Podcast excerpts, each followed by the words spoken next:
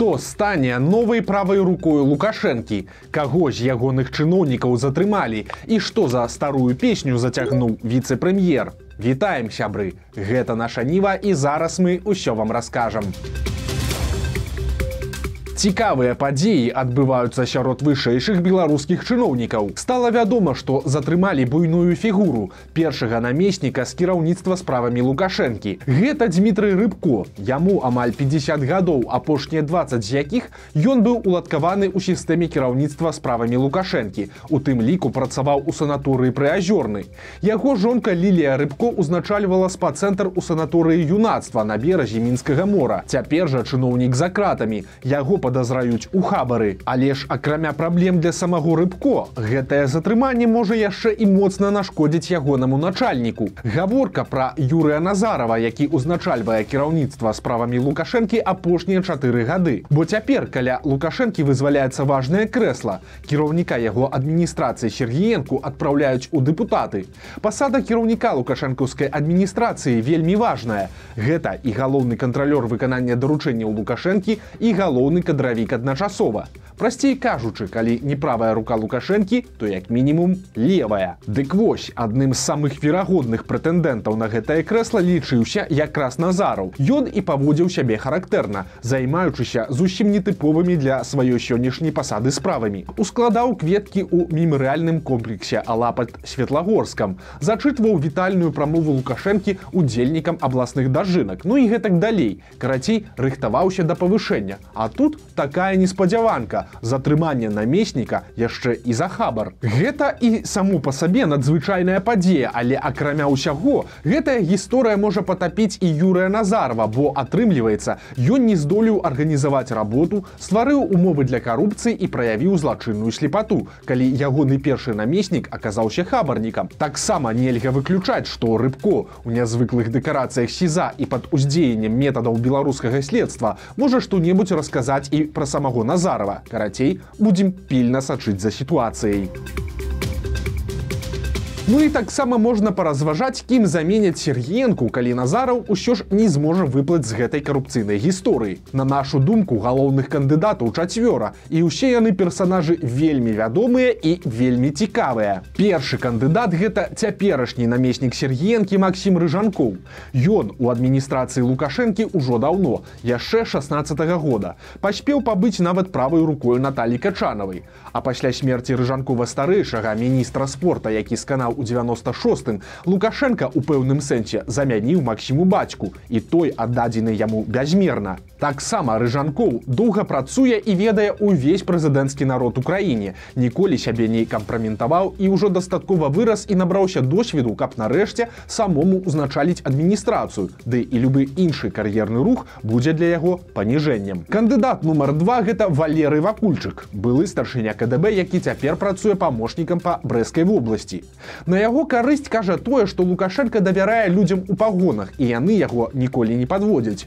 Былы спецслужбіст Сергенко выдатна спраўляўся са сваёй працай. Вакульчык вельмі падобны і даўно даказаў сваю лаяльнасць, ды і за апошнія гады спрактыкаваўся ў кадравай рабоце. А таксама яго падазронасць і ўменне бачыць двойное дно важныя якасці для галоўнага кадравіка ў часы, калі ворагі і правакатары, як верыць Лукашенко, з усіх бакоў абклалі краіну. Трэці кандыдат гэта Владзімир каранік гродзенскі губернатар і былы міністр аховы здароўя. Яму не трэба лішні раз даказваць сваю лаяльнасць тысячамі неабавязковых смерцяў ад кавіду. Ён паказаў чыё слова для яго галоўнае ў жыцці насуперак усім рацыянальным і гуманістычным развагам. Падчас працы на гродзеншчыне ў сферы адказнасці караніка былі і застаюцца важныя дзяржаўныя праекты.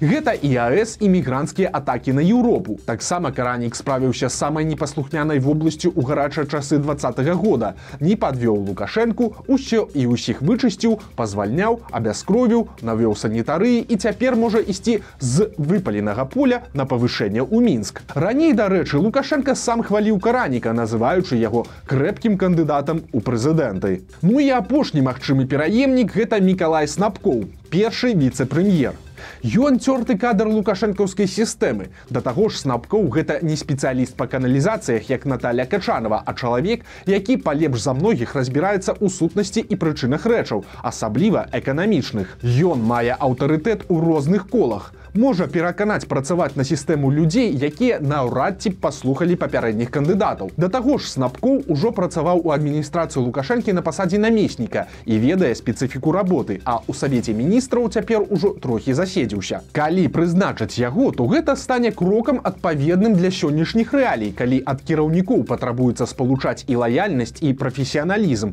А яны прызначаныя па рэкамендацыях папярэдніх кіраўнікоў адміністрацыі адзін за адным заязджаюць у СІЗА.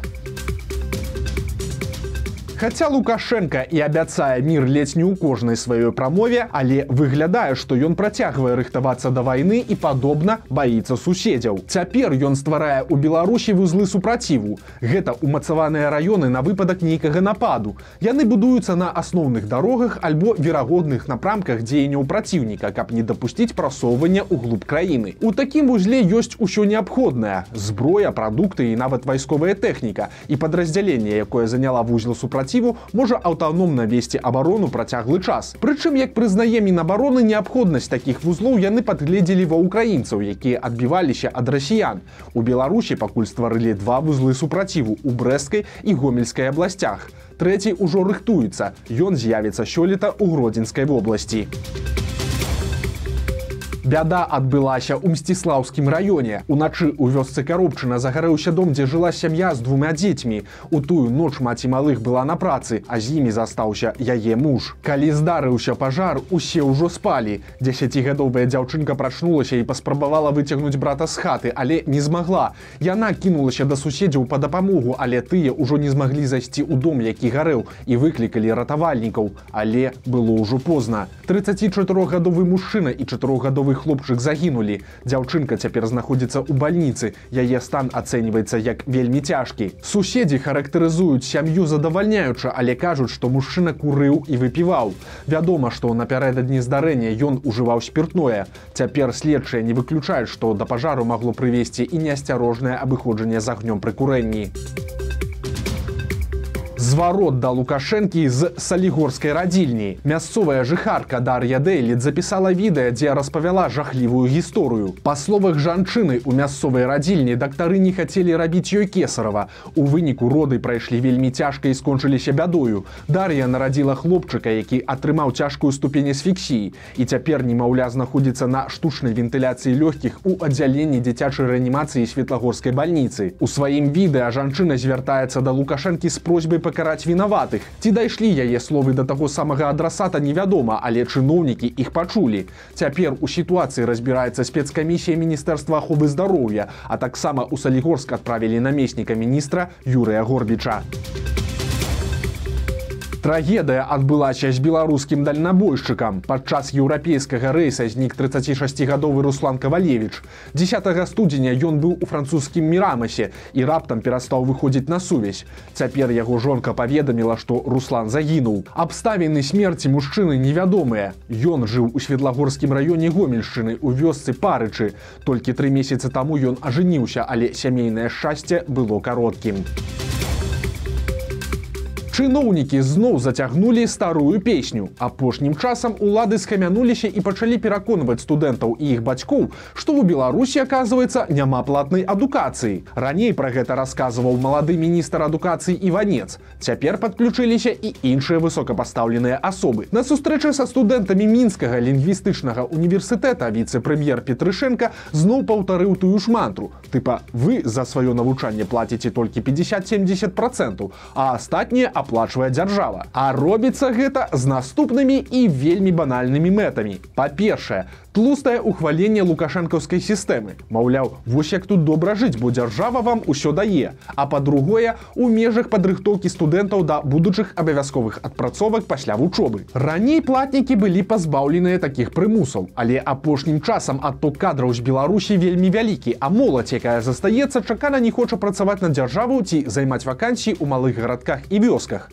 Бо там маладому чалавеку і рабіць няма чаго і зарплаты, як правіла, невялікія. Вось лука лукашенко і вырашыў гэта змяніць. Прычым па традыцыі да пытання падышлі радыкальна. Студэнтам бюджэтнікам адпрацоўку пасля вучобы падымуць ці то на 5 ці то на 7 гадоў а платнікам увядуць як мінімум двухгадовую адпрацоўку. Менавіта таму апошнімі месяцамі лукашэнкаўскія чыноўнікі і расказваюць гэтую байку пра адсутнасць платнага навучання. Маўляў вы ж вучыцеся амаль што бясплатна таму цяпер павінны папрацаваць на дзяржаву пакуль чыноўнікі апрацоўваюць студэнтаў на поўную ідуць чысткі сярод выкладчыкаў. Палітолог роза турарбекова якая раней працавала у бДУ расказала выданню позірк пра масавыя звальненні ва універсітэце па яе словах перад новым годам у бДУ зноў прыйшлі чорныя спісы. Людзей чыё прозвішча ў тых спісах выклікаюць на прафілактычныя размовы а некаторых паніжаюць альбо увогуле звальняюць працы. За гэтым працэсам як правіла назірае прарэктар па бяспецы былы афіцер кДб Турарбекова звязвае такія чысткі з будучымі парламенцкімі выбарамі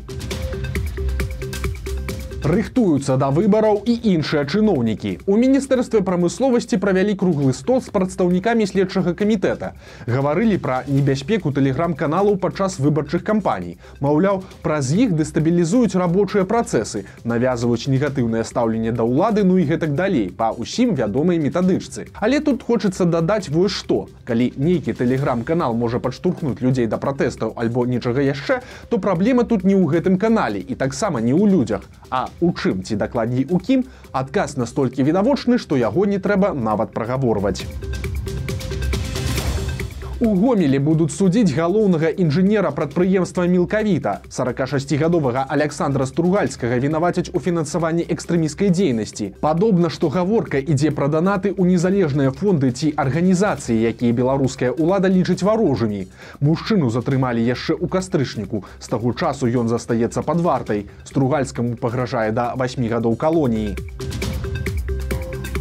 А берасцейцы працягваюць катацца на незвычайных жывёлах. Нядаўна у абласным цэнтры бачылі мужчыну, які проста па вуліцах расчакаў на сабачай запрэжцы. А цяпер у брэскім раёне знялі вяскоўца, які вырашыў запрэгчы казла. Куды ехаў казла кіроўца ніхто не ведае, але мы спадзяемся, што ў светлую будучыню.